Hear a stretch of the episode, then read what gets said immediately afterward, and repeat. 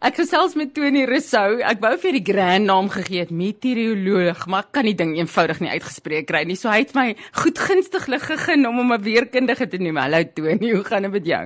Haai, goeiedag.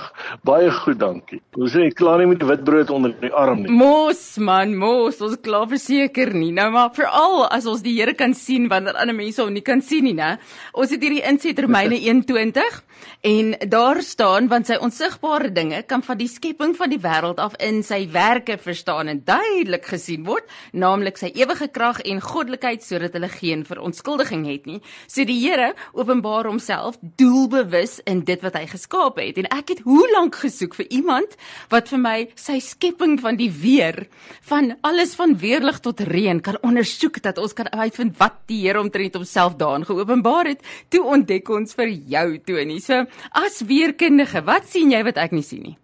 Wel dit wat in Romeine staan want ehm um, daar's so baie goed en fasette van eh, die natuurwetenskappe wat ons probeer verstaan en uh deesdae baie goeie begrip het van hoe dinge werk en kan 'n mens net verwonderd staan. Ek dink uh dit val saam met ons verstaan van die heelal en die skepping en dan ons Skepper dat ons net verwonderd kan wees en uh stil kan wees uh in sy teenwoordigheid want werklik waar al kan ons dinge meet uh, en presies weet en verstaan of probeer verstaan hoe dit werk, ontdek ons nog elke dag nuwe goed. Nou, verduidelik vir my, hoe meet julle byvoorbeeld môre, volgende week, volgende maand se weer? Hoe's dit moontlik vir julle om dit te kan doen? Wel, eerstens moet jy die natuurwette verstaan. So 'n mens moet verstaan wat gebeur met die atmosfeer. Ehm um, die die basiese begrip is dat ons energie kom van die son af en die energie word deur die aarde se oppervlakte geabsorbeer en dan die reageer die die atmosfeer met die hitte van die oppervlakte af. En juist dat daar 'n uh, onewige redige verspreiding is van van die hitte oor die aardbol waar jy koue pole het en en dan warm ewenaar dit laat ontstaan die beweging in die atmosfeer. So dit is nou goed wat ons kan als verstaan en jy kan die termodinamiese eienskappe in die atmosfeer kan ons verstaan en weet dit werk. Nou as jy die hele aarde se atmosfeer kan meet op 'n sekere tydstip en dit is hoe die wêreldweerkundige organisasie saam met al die verskillende lande werk. Ons meet die atmosfeer op 'n sekere tydstip En as ons die inligting het, dan word dit gesimuleer. Nou om dit te simuleer of na te boots, het jy 'n stel vergelykings nodig en dan 'n baie kragtige rekenaar. Nou die stel vergelykings bou ons in die bewegingsvergelykings. Ons bou in die termodinamiese eienskappe van die atmosfeer as 'n voorbeeld. Lug styg sal dit teen 'n sekere tempo afkoel. En eh, soos wat lug afkoel in die atmosfeer kan dit kondenseer en wolke vorm. So dis 'n basiese beginsel. Dit kan 'n ou inbou in 'n rekenaar en dan met die bewegingsvergelykings kan jy stelsels soos hulle beweeg kan jy naboots waar gaan die stelsels wees of hoe gaan dit beweeg in die volgende 24 uur 48 uur uh 7 dae vooruit 14 dae vooruit en ons het dan ook natuurlik vandag seisonale voorspellings waar jy ook die sirkulasie kan vooruit naboots oor die volgende seisoen 4 of 6 maande. So uh, dit gaan oor als 'n wiskundige oefening waar jy die huidige toestande met wiskundige vergelykings na die toekoms toe kan ehm uh, vooruitskat. Maar hierdie natuurwette is dan nou sekerlik dieselfde wette gewees toe Jesus op die aarde geloop het. Toestande kon dalk verander het, maar die natuurwette het tog konstant gebly deur die eeue en sal altyd, sal dit nie? Altyd. Dis altyd en soos wat ons nou die heelal waarneem en Mars toe gaan, dan besef mense al hoe meer, maar al hierdie goed is dieselfde oralste waar jy gaan uh, is is als in plek. So dit is goed wat as ek en jy vir mekaar ons verwonder daaroor, kan jy nie anders te nie as om uh, as die mense in Jesus se tyd of in die ou Bybelse geskiedenis tyd gesit het om 'n kampvuur en hulle die die almag van die hemele aanskou met die melkweg en als wat so afleiding maak ons hier's 'n godheid 'n skepper uh, almag wat goed geskep het op 'n sekere wyse. En uh, nou ja, die wyshede van daardie tyd dit lees ons van ook in die Bybel. Mm, mm.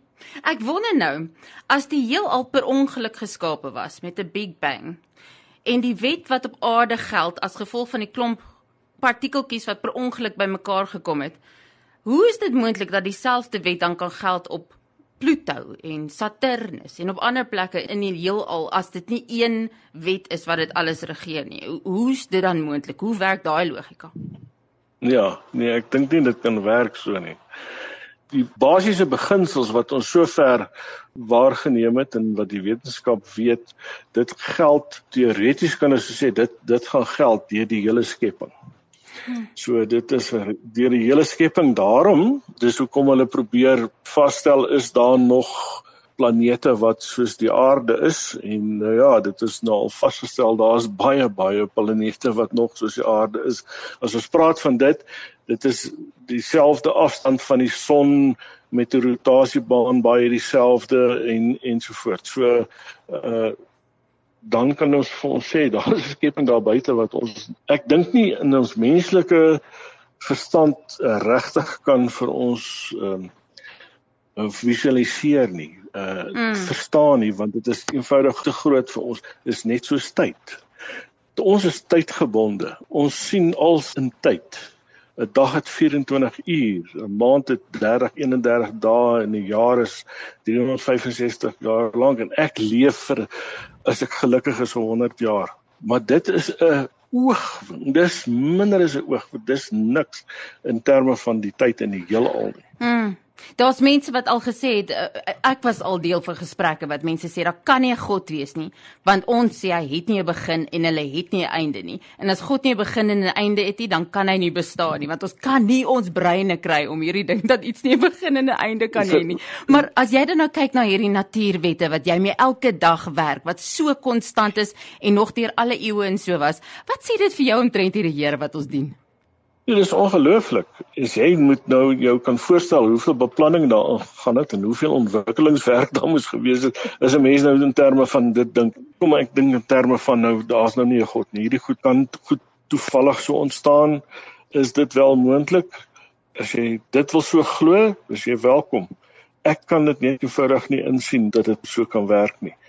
Ehm um, as jy die skoonheid van die planeet Aarde van 'n afstand sien, en die lewe wat hier is, is dit so 'n groot wonderwerk. Ek moet sê as ons hier werklik begryp, dan sal ons op ons aangesig val en ons sal die Skepper net loof en eer en ek dink dit is wat die Bybel reg deur die Bybelse se se storie en boodskap vir 'n mens gee dat uh, God is almagtig, die grootste koning van alle konings en uh, ons gaan hom loof en prys en eer as ons die oomblik as ons verstaan sy almag en sy goedheid en sy grootheid. Hmm. Nee, kyk die dimensies wat jy mee werk. Ek kan dink dat as dit jou nie op jou knieë en plat op jou gesig kry en net jou asem laat snak, net plein die dimensies van 'n heelal wat deur een wese geskape word met 'n asem al wat ons daarvan kan proe is 'n bietjie wind, né? Ek bedoel dit jy kan nie eers daaraan dink nie. Wel, hierdie was die begin van die gesprek ja. gewees. Van nou af gaan ons dieper ingaan. Wanneer ons weer met jou gesels, gaan ons bietjie kyk na weerlig en reën en wind en toestande en al sulke tipe goed. Een een van hulle vat en kyk wat die Here omtrent homself openbaar het in hulle. Maar baie dankie vir 'n begin. Dink ek jy het goed afgeskop, hoor. Baie dankie, is my voorreg gewees. Ek hoop julle het 'n lekker dag.